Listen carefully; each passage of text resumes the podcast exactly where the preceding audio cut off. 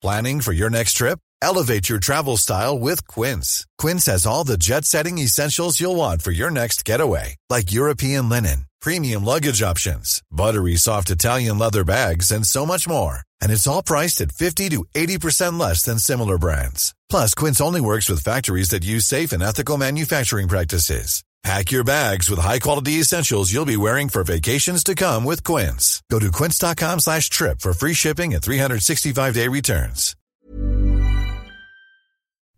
Hans Petter Co. presenteres av TrippelTex, det skybaserte økonomisystemet som gir store og små virksomheter full oversikt over økonomien.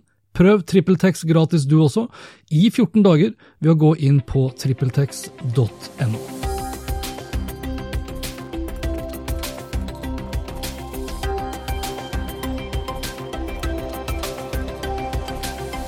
Ingen endring uten kommunikasjon, bruker jeg å si, og kommunikasjon kan jo være så mangt. Det kan være skriftlig, lydmessig, som f.eks. her i en podkast, eller i form av det å presentere i et møte eller holde et foredrag.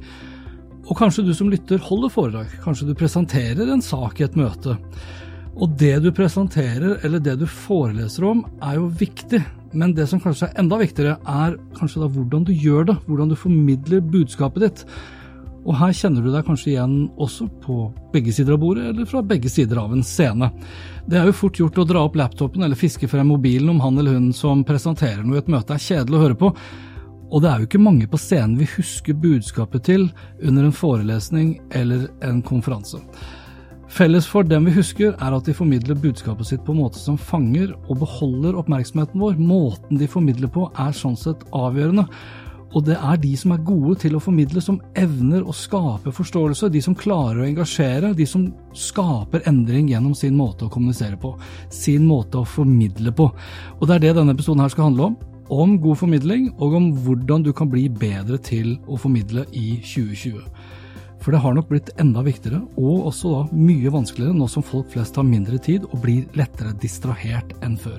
Og for å snakke om formidling og hvordan du og jeg kan bli bedre på det i 2020, så har jeg fått besøk av Nils Apeland, eller rettere sagt, jeg har besøkt Nils Apeland, og det i kontorene til Talelisten, hvor jeg for øvrig er registrert som foredragsholder og hvor han jobber som daglig leder, eller som han skriver på Facebook-profilen sin, som toastmaster.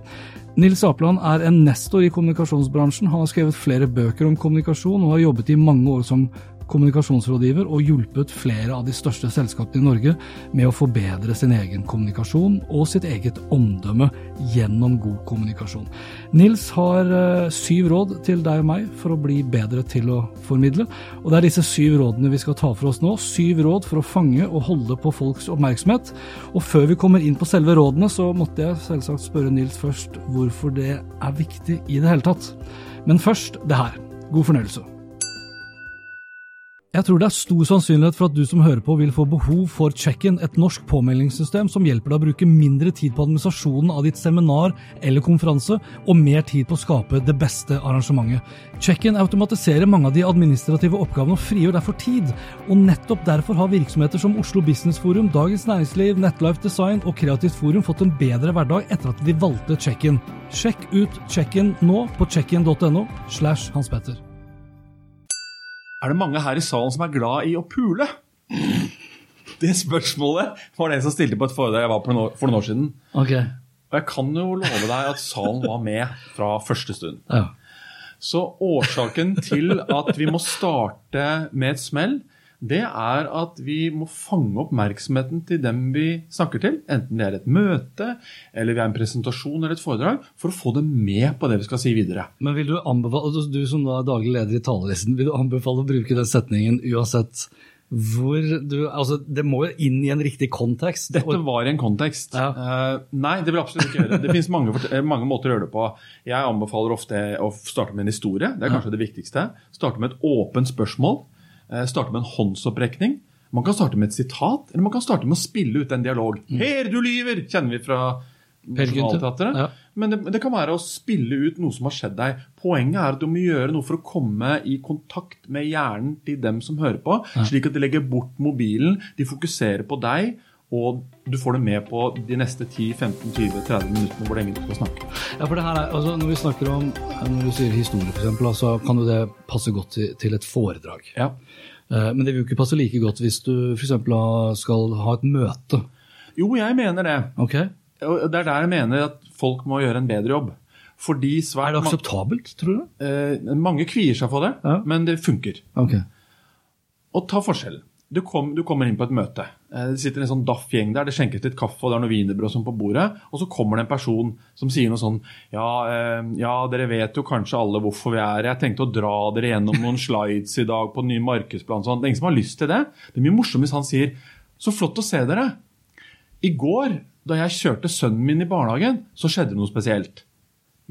Og så kan du begynne med en eller annen liten historie som har noe å gjøre for eksempel med segmentering eller budskap eller hva en i barnehagen sa. Så det er bare å være litt kreativ. Ja. Da har du ofte oppmerksomheten til deltakerne. Så kan du si det lurte kanskje på hvorfor jeg fortalte den lille historien nå. Ja. Det er fordi i dag så skal vi snakke om budskap. Ikke sant? Og Nesten alle mennesker har ting i livet sitt, i barndommen sin, i jobben sin, i familien sin, som er spennende å høre på. Det handler bare om å ta det i bruk. Ja. Eh, noen ganger når jeg snakker for kommunikasjonsfolk, så, jeg, eh, så viser jeg bildet av Jakob, vår sønn. Og så sier jeg eh, Jakob sier at pappa, pappa jobber som kommunikasjonsrådyr. Rådyr? Rådyr, ja. For han har ikke helt skjønt hva rådgiver er. ikke sant? Og da ler folk. Ja. Og, så, og så kan jeg gjøre et eh, ordspill og si det er kanskje fordi jeg er rådyr, men han skjønner ikke hva rådgiver er. sant? Da, poenget er, da har jeg fått oppmerksomheten. Jeg har vist litt følelser, jeg har vist at jeg har en sønn. Jeg tuller litt med meg selv, jeg tuller litt med yrket mitt, og så er vi ofte i gang. Istedenfor å si 'jeg heter som sagt Nils Apeland', bla, bla. Det er dritkjedelig. Gjør noe som er mer spennende. Så også på et møte mener jeg det går an.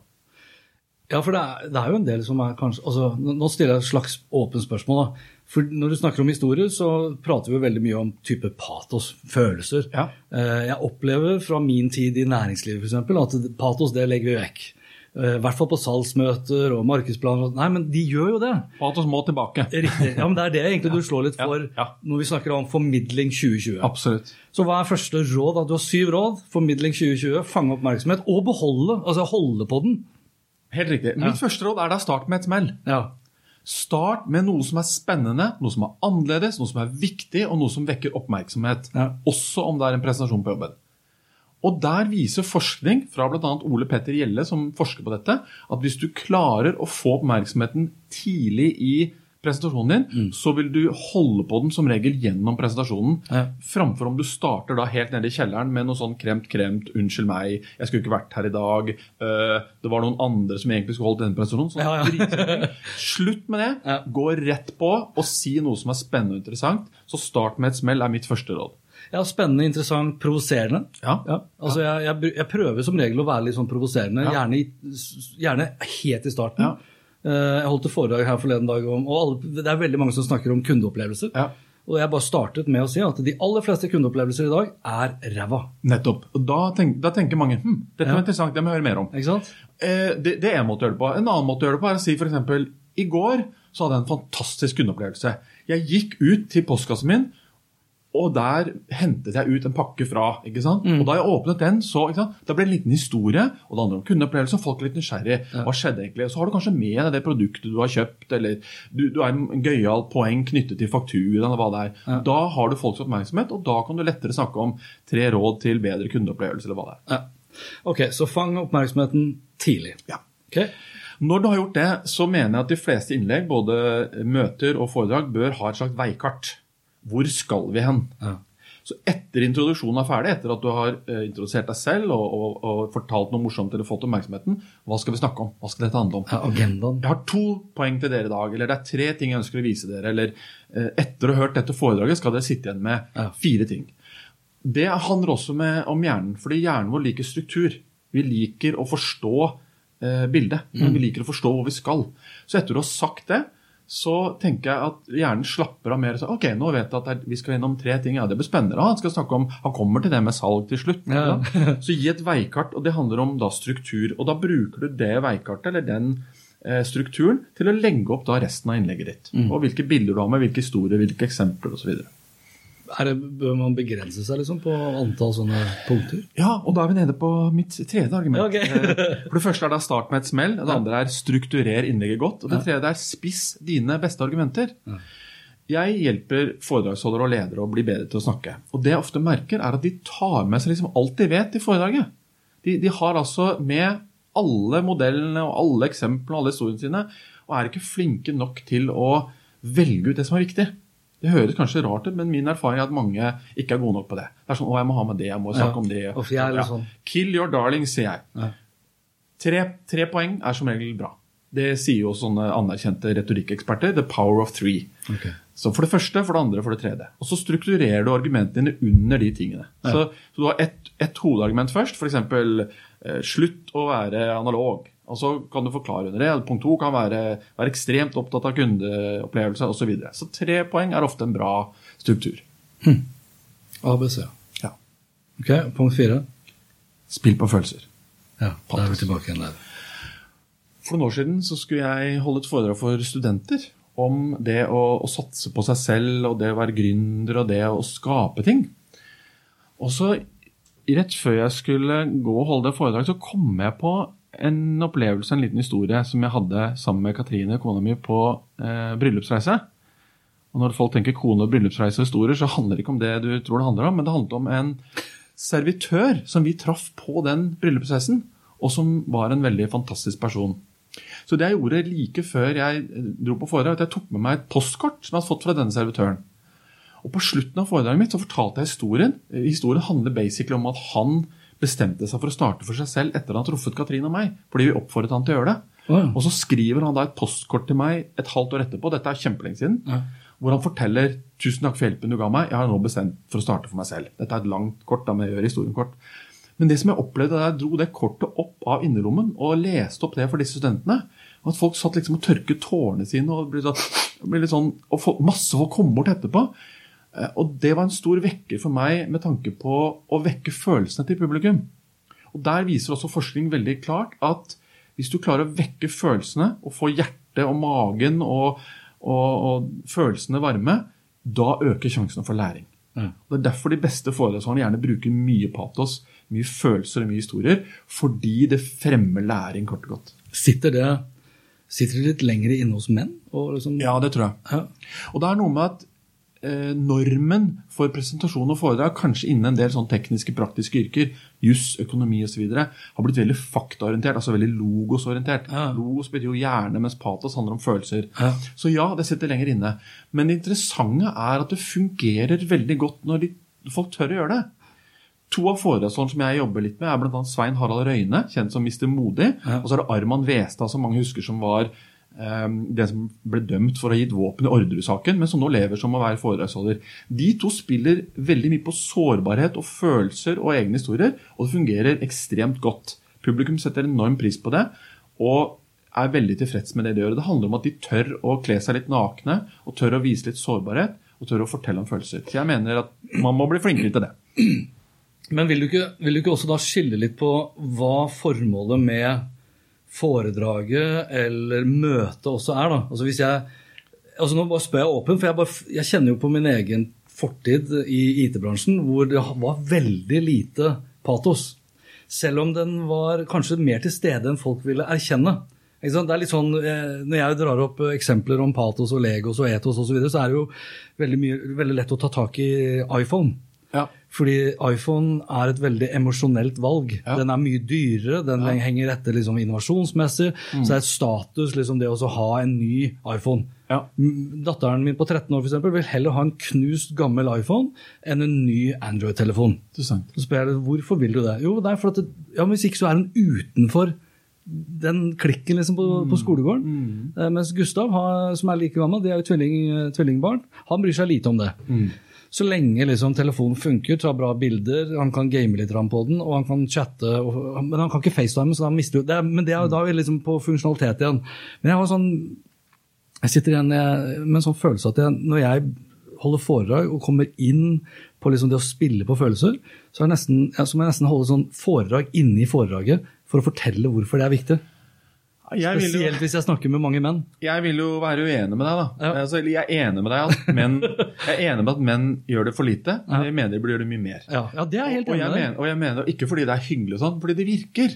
Riktig. Poenget er at hvis du vekker følelser og vekker sympati og glede og entusiasme, eller, eller eh, eh, hva heter det eh, altså nostalgi for den saks skyld, Ja. ja. så aktiverer du læring. Og da lærer folk bedre de andre tingene du er opptatt av. Okay. Får bare ta en historie rundt det. I boken som heter The Storyteller's Secret, som er skrevet av Carmine Gallo, han har skrevet også en bok som heter Talk Like Ten, så forteller han om en eh, advokat i USA som forsvarer de som sitter på death row, altså unge, svarte menn som er dømt til døden.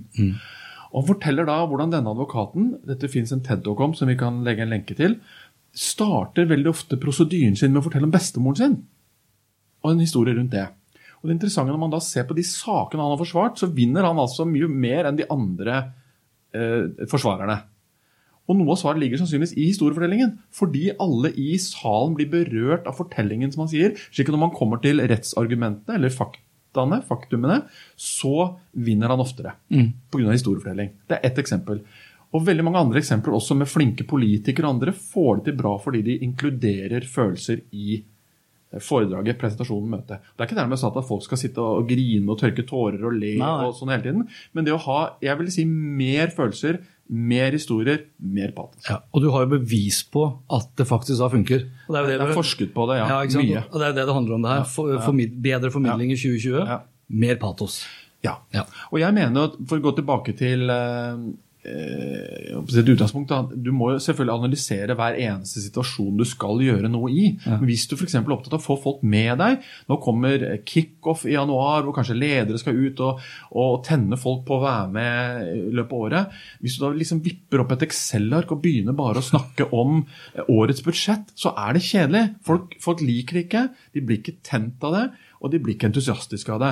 Hvis du tar fram noen fantastiske kundehistorier eller ansatthistorier fra i fjor, eller trekker fram gøyale ting som skjedde sist år, men nærmest bilder fra sommerfestene i julebord og sånne ting, så vil du vekke en entusiasme, en følelse, som gjør at folk i lettere grad vil akseptere de budsjettallene eller målene som- som kommer senere. Som Ja, mer patos. Ja, for det er, vel, det er jo også lettere da Nå drar jeg videre på det, men jeg syns det er et veldig interessant tema. For Vi snakker jo ofte da om historiefortelling, og de beste historiene blir jo gjerne fortalt da rundt et leirbål, hvis vi kan kalle det det. ikke sant?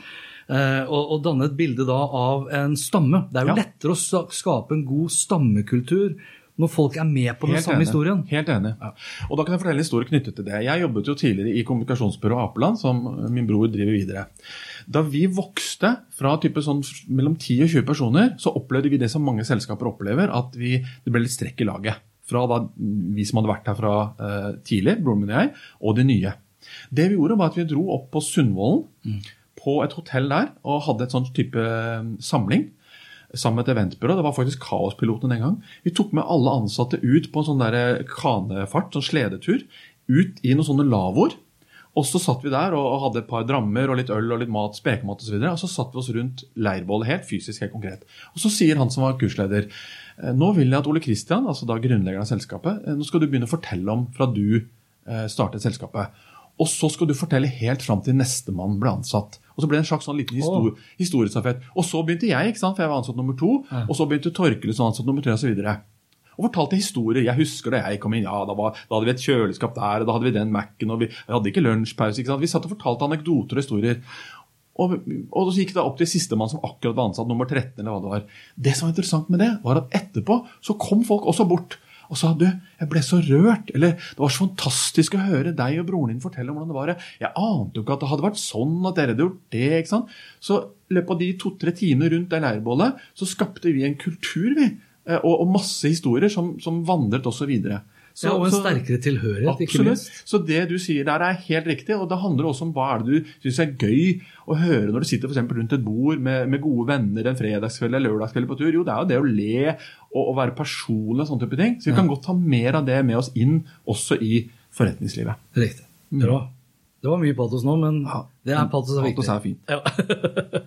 Og, og, og da kommer vi inn på punkt nummer fem, som er da skap bilder i hodet til publikum. Og Jeg håper f.eks. den lille historien jeg fortalte nå, at de, du som lyttet, de som lytter, du som lytter, så kanskje for deg dette teltet med bål og folk som satt der. ikke sant? Så det handler om at du som formidler må prøve å skape noen bilder i hodet til folk. Og ikke bare si faktaene eller tallene, men skape et bilde på det. Eh, Eller et språkbilde.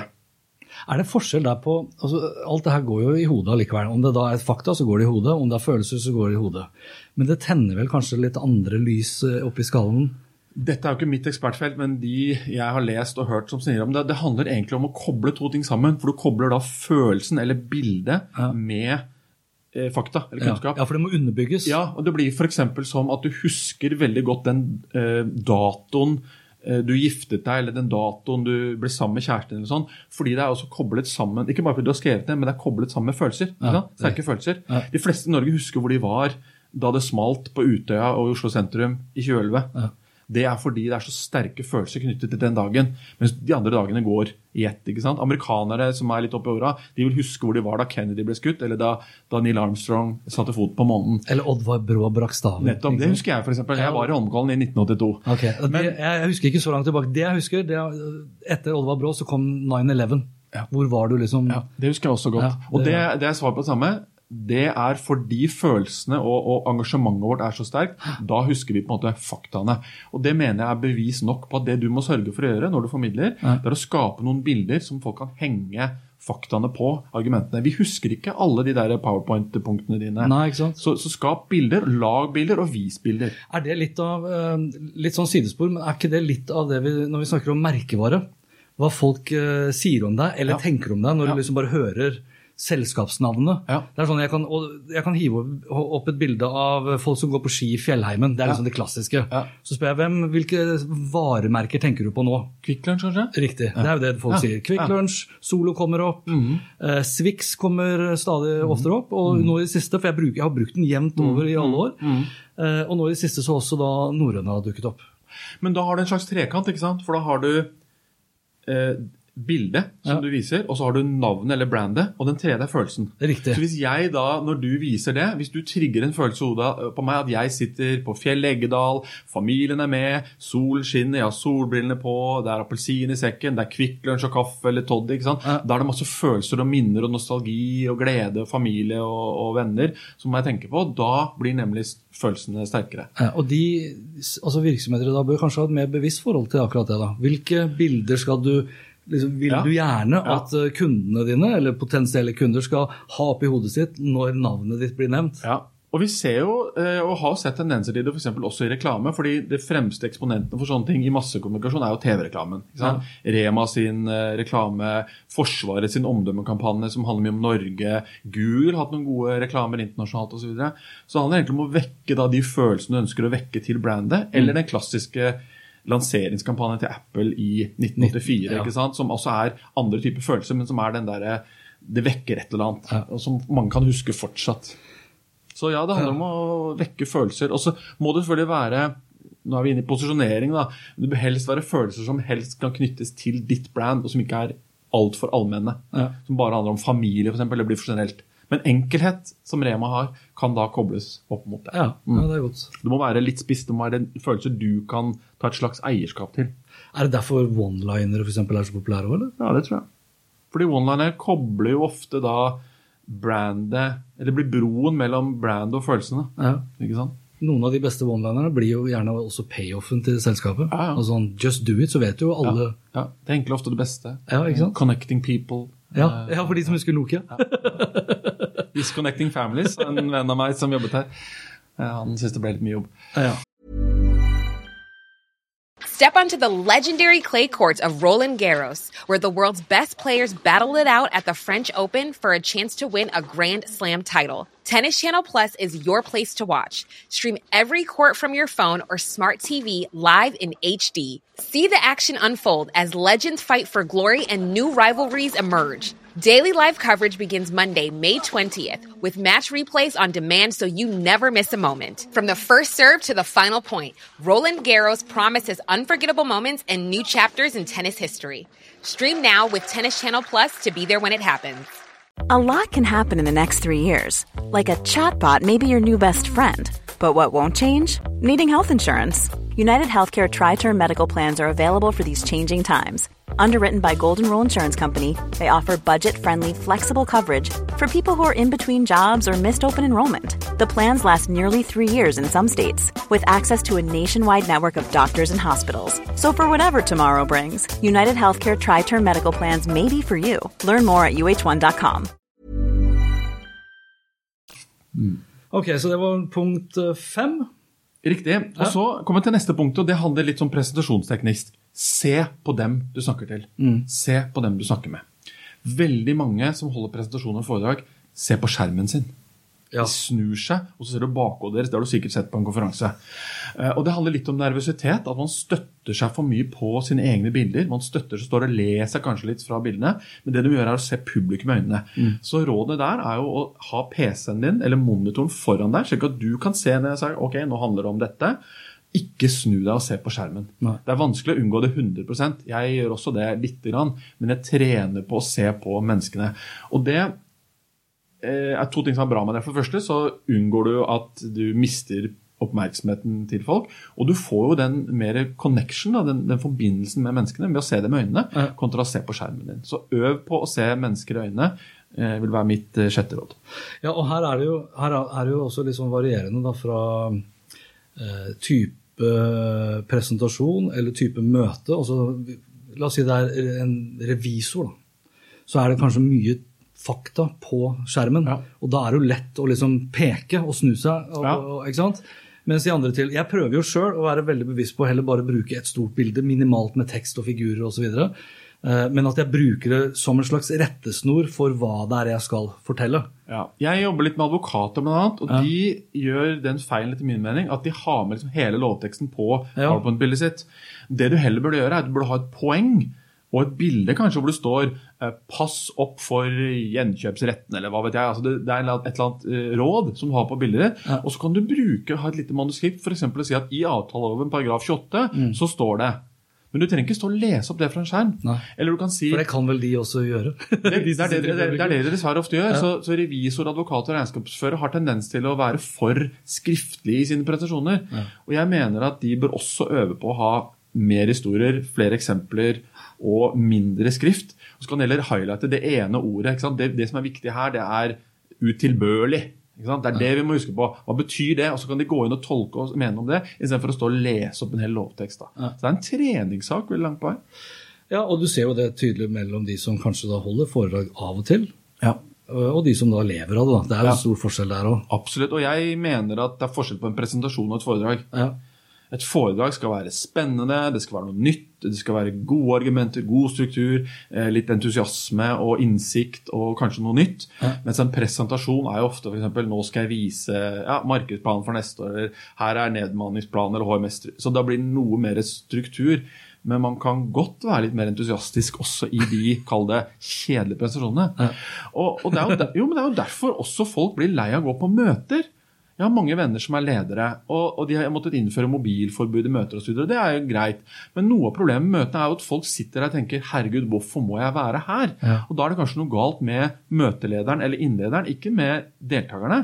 Ja, ikke sant? og det, det er kult at du sa, for er da, altså problemet er egentlig ikke mobiltelefonen. Problemet er bare dårlige møter. Yes. Det oppstår det som jeg kaller for digital gjesping. Ja. Det er folk, er Etter å ha hørt liksom Kurt eh, dra i gang for fjerde gang et eller annet vi egentlig har fått skrevet før, så tenker jeg Skjer det noe på Facebook? Eller Det er har det kommet Ja, for der skjer jo alltid noe. Det gjør det. Og, ikke sant? og der har du igjen dette med eh, både belønninger og distraksjoner og emosjoner. ikke sant? Det er nok av dem på Instagram og Snapchat og Facebook og, og de sosiale kanalene. Og Mm. de blir da en konkurrent. Så, så i de, Det ser du hvis du sitter bakerst i salen på et foredrag. Så ser du når det begynner å bli kjedelig, for da begynner folk å fiske opp mobilen. Og da er jobben, hvis vi er tilbake til møtet igjen, jobben er at møtelederen og de som snakker innleder i møtene, må gjøre det kortere, mer spennende og mer konsist, slik at folk faktisk hører på, og heller gå ut av det møtet med energi, istedenfor å tenke 'Å, herregud, jeg håper vi slipper flere sånne møter'. Ja. Så der, eh, og jeg mener også at ledere må være flinke til å ta kortere møter. 20 minutter, 30 minutter, eh, et kvarter. Og, og gjøre møtene mer spennende kort og godt. Altså. Det er nok mange som skjuler seg bak uh, veldig mange lange møter for å virke veldig opptatt. Ja. Og så er det ikke så himla mye fornuftig som kommer ut av det. Men det er en annen sak. Det, det var en påstand, jeg kan, jeg, men det Nei, kan men jeg, bevises kjenner, jeg kjenner mange norske virksomheter og en del offentlige som har møter enten halve mandagen eller hele mandagen. altså Det er fast. Ja. En, en stor norsk statlig virksomhet har ledermøte hele, hver eneste mandag. Det er altså mye ble 20% av en vanlig arbeidsuke sitter ledelsen i møter. Jeg tviler på at er å sitte en hel dag. Noen har normale møter halve mandagen, fra da morgen til lunsj.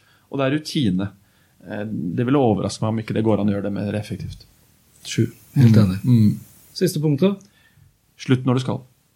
Ja. Det handler om respekt for andres tid. Ja. Det gjelder kanskje Ja, særlig sånn, okay, slutt når slutt når du skal. Mm. Når du har, har du fått 20 minutter, så snakk 20 minutter. De beste foredragsholderne slutter akkurat når de skal. Og de slutter også når de skal, selv om de har fått kortere tid. Så eksempelvis at du, du skal snakke fra 11 til 12, så sier arrangøren det er lunsj klokken 12, og så får du kanskje gå på 10 over 11 isteden. Da slutter du likevel 12. Det er uh, mitt råd. Og det gjelder hvis du innleder i et møte. At du sier nå skal Hans Petter snakke i ti minutter om de nye digitale retningslinjene våre. Da snakker du ti minutter. Jeg mener det handler om både respekt for tilhørerne og for den som kanskje skal snakke etter deg. Ja, ikke minst. Og det er fryktelig irriterende, det vet vi som snakker på konferanser. Hvis den som er før deg har snakket 10-20-30-40 minutter ekstra, og så plutselig kommer arrangøren bort og sier du, du får ikke 40 minutter likevel, du får 20. Det er irriterende. Fordi da har du forberedt deg, du har noen resonnementer, du har noen historier, du har noen videoer, og så plutselig må du stokke om, så blir du nervøs og usikker, og så blir innlegget ditt dårligere pga. at en annen ikke har holdt tiden sin. Det må vi prøve å unngå. Ja, jeg er litt sånn øh, jeg er litt, øh, Kan man si nazi på det? Jeg er litt nazi på det. Ja, jeg liker ikke det uttrykket, men du Nei, kan si det. hva ville du sagt for?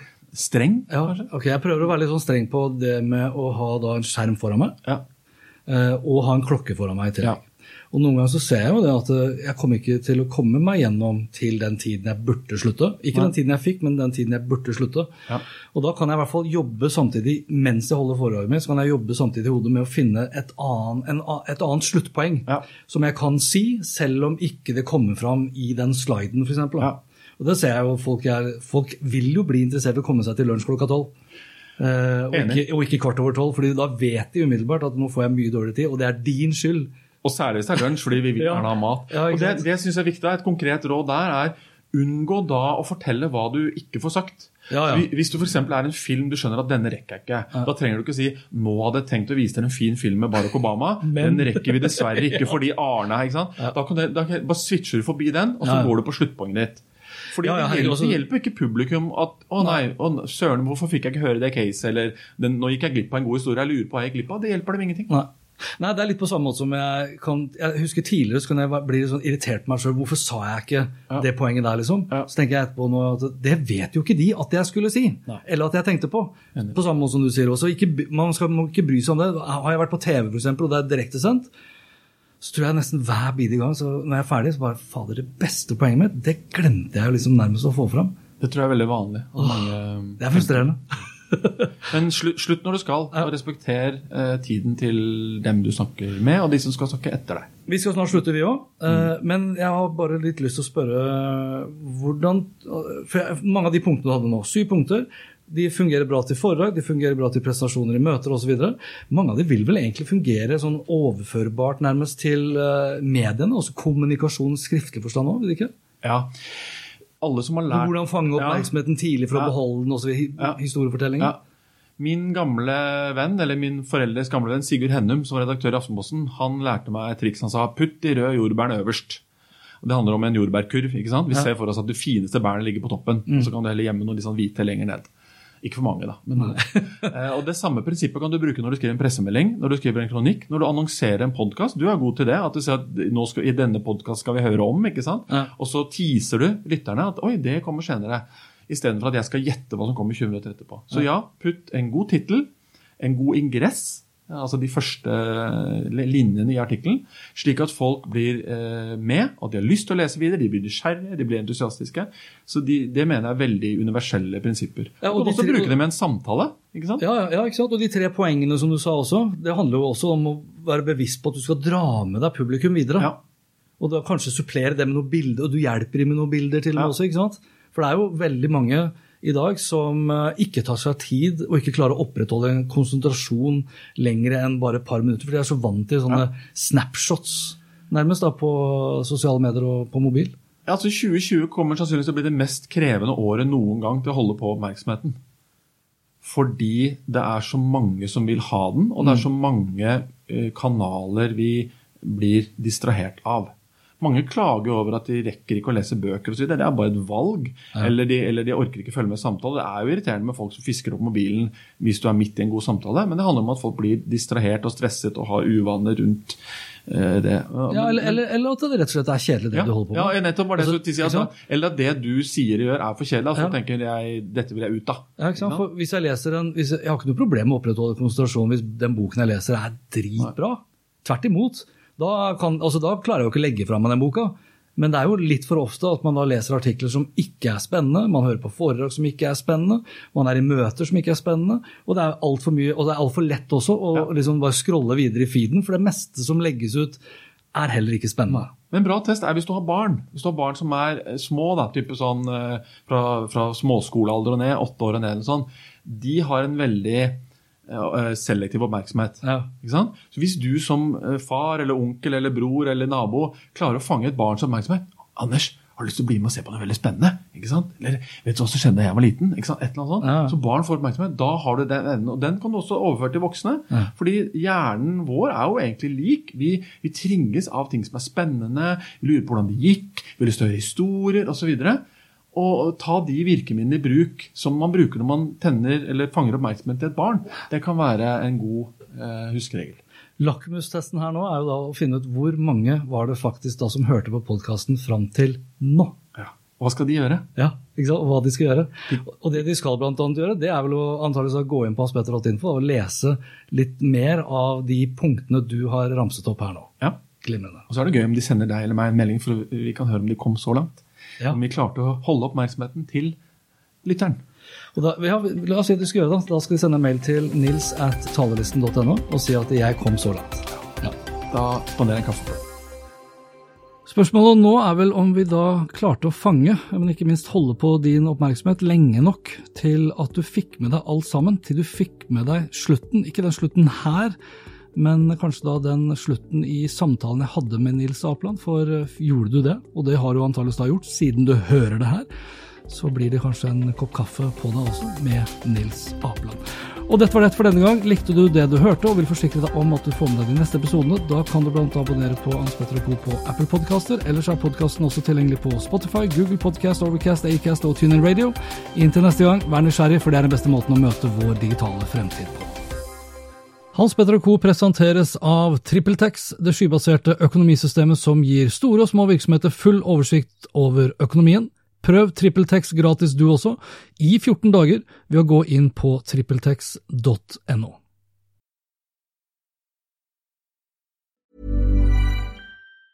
Even on a budget, quality is non-negotiable. That's why Quince is the place to score high-end essentials at 50 to 80% less than similar brands. Get your hands on buttery soft cashmere sweaters from just 60 bucks, Italian leather jackets, and so much more. And the best part about Quince, they exclusively partner with factories committed to safe, ethical and responsible manufacturing. Elevate your style without the elevated price tag with Quince. Go to quince.com/upgrade for free shipping and 365-day returns. My business used to be weighed down by the complexities of in-person payments. Then, Tap to Pay on iPhone and Stripe came along and changed everything. With Tap to Pay on iPhone and Stripe, I streamlined my payment process effortlessly. Now I can accept in person, contactless payments right from my iPhone. No extra hardware required. What's truly remarkable is how I can cater to all of my customers' payment preferences. Whether they're using cards, Apple Pay, or other digital wallets, Tap to Pay on iPhone and Stripe ensure a smooth checkout experience every time. And it's not just me. Stripe helps businesses of all sizes, from local markets to global retailers, scale quickly and stay agile. To learn how Tap to Pay on iPhone and Stripe can help grow your revenue and reach, visit stripe.com slash tap iPhone.